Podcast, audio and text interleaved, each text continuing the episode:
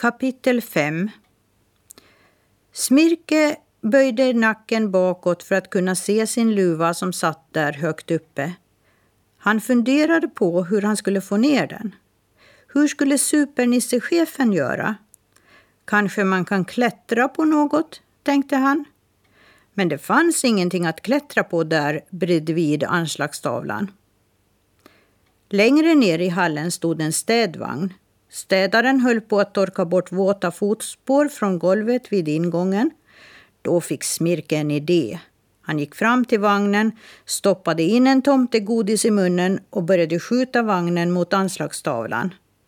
När han var halvvägs hörde han ett rop bakom sig.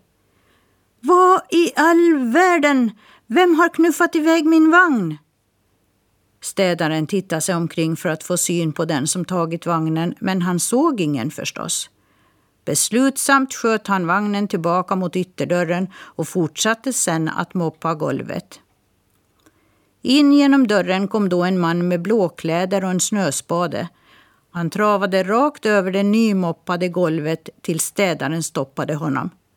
Städaren berättade för den nyinkomna att han som var vuxen och dessutom jobbade som vaktmästare på skolan minsann inte skulle klampa in och smutsa ner ännu mera utan istället använda personalingången och ta av sig sina våta stövlar där.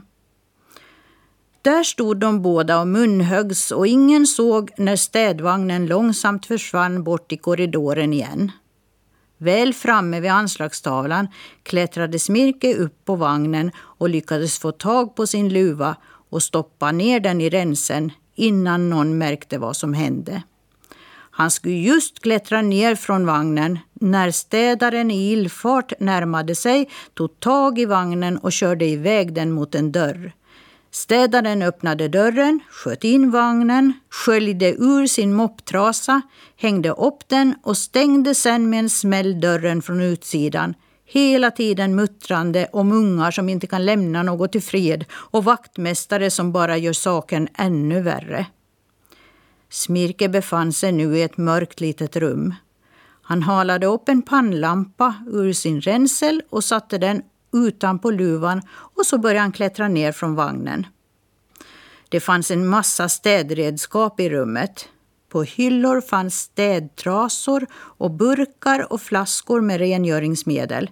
Stora balar med toalettpapper och pappershanddukar fanns uppdravade längs en vägg och på den motsatta väggen fanns en stor tvättho.